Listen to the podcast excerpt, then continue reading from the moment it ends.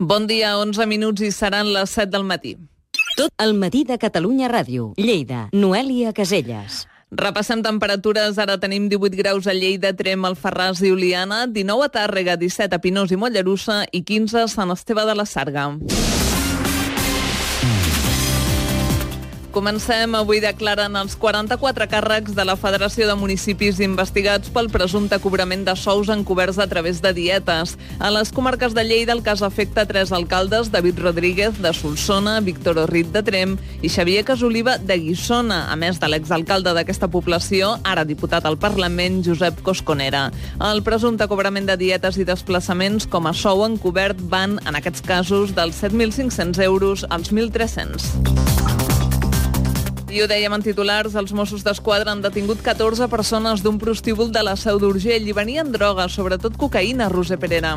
El prostíbul on s'oferia sexe i droga estava situat en un pis del carrer Bellavista de la Seu d'Urgell, a l'Alt Urgell.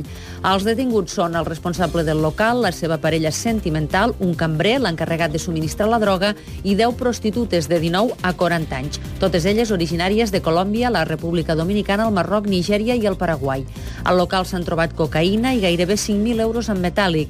També hi havia droga en un pis d'Aravell, que era on es preparava per a la seva venda, i en un pis de Sabadell. A més, s'hi han localitzat armes. Els detinguts han declarat davant del jutge de la Seu que els imputa un delicte contra la salut pública i pertinença a organització criminal. A les comarques de Lleida l'atur va augmentar el mes passat amb més de 300 persones i trenca la tendència a la baixa dels últims mesos. L'increment es centra en el sector agrari com a conseqüència de les dificultats de la campanya de la fruita pel boicot rus. Ara a les comarques de Lleida hi ha 26.300 persones aturades. I els pagesos es tornen a concentrar aquest matí a Lleida per demanar a la ministra d'Agricultura, Isabel García Tejerina, que defensi el sector de la fruita dolça davant del veto rus. La protesta, convocada aquesta vegada pel Sindicat Unió de Pagesos, es fa davant de la subdelegació del govern espanyol. Josep Maria Companys és el coordinador d'Unió de Pagesos a Lleida. Han actuat tard i malament. Llavors, també, evidentment, li volem dir al senyor Tejerina que el problema que estem patint avui els pagesos catalans i espanyols és un problema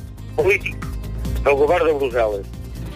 Parlem ara de política. El síndic d'Aran, Carlos Barrera, espera que s'arribi a un consens sobre el finançament com a peça clau de l'autogovern de la Vall en la futura llei de règim especial d'Aran que tramita el Parlament, Rafael Ventura. El síndic Carlos Barrera va obrir ahir les compareixences a la Comissió d'Afers Institucionals del Parlament en la recta final de la tramitació de la futura llei d'Aran.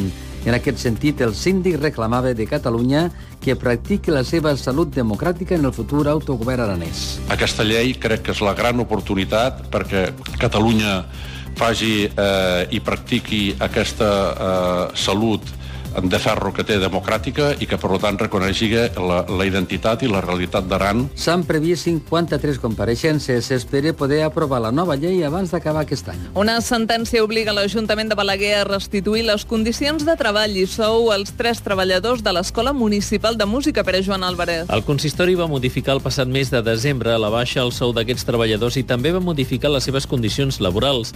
L'Ajuntament va al·legar causes econòmiques per aplicar aquesta modificació.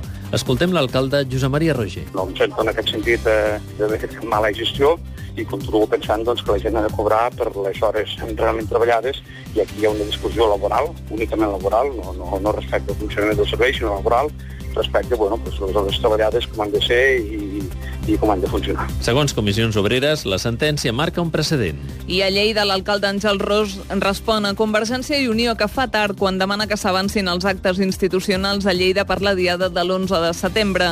El PAI en cap assegura que fa gairebé dos mesos ja va pactar amb l'Assemblea Nacional Catalana que es faran el mateix dia 11, però una hora abans del que és habitual. És que van una mica endarrerits, els xicots de Convergència i Unió.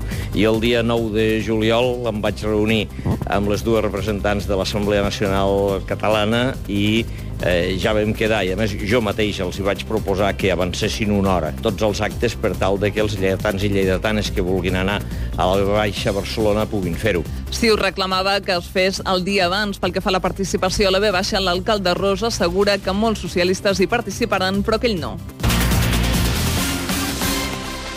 El matí de Catalunya Ràdio. El pilot Àlex Márquez, el piragüista Saúl Cravioto i el jugador de pàdel Xavi Colomina seran a partir d'ara ambaixadors esportius de Lleida arreu del món. Han signat un conveni amb la Paeria per promocionar la ciutat en els seus respectius esports. Tots tres s'han mostrat orgullosos de donar a conèixer la ciutat, tant amb els logos que portaran els seus equipaments com a través de les xarxes socials. Sentim Márquez, Cravioto i Colomina. Poder portar pel món una mica la marca de Lleida i poder promoure l'esport, doncs la veritat és que és un honor. Agrair a l'Ajuntament que hagin comptat amb mi per aquest projecte. Per a mi és un gran plaer portar la imatge de Lleida arreu del món. L'esport que jo practico, almenys eh, portaré la imatge a nivell nacional i si més endavant el nivell i aquest eh, esport fa un passet més i, i passem a, a fer-ho a altres països, pues serà un plaer. Els convenis s'inclouen dins la campanya Lleida Sport and Emotion, que vol promocionar la capacitat de Lleida com a ciutat per organitzar grans esdeveniments esportius.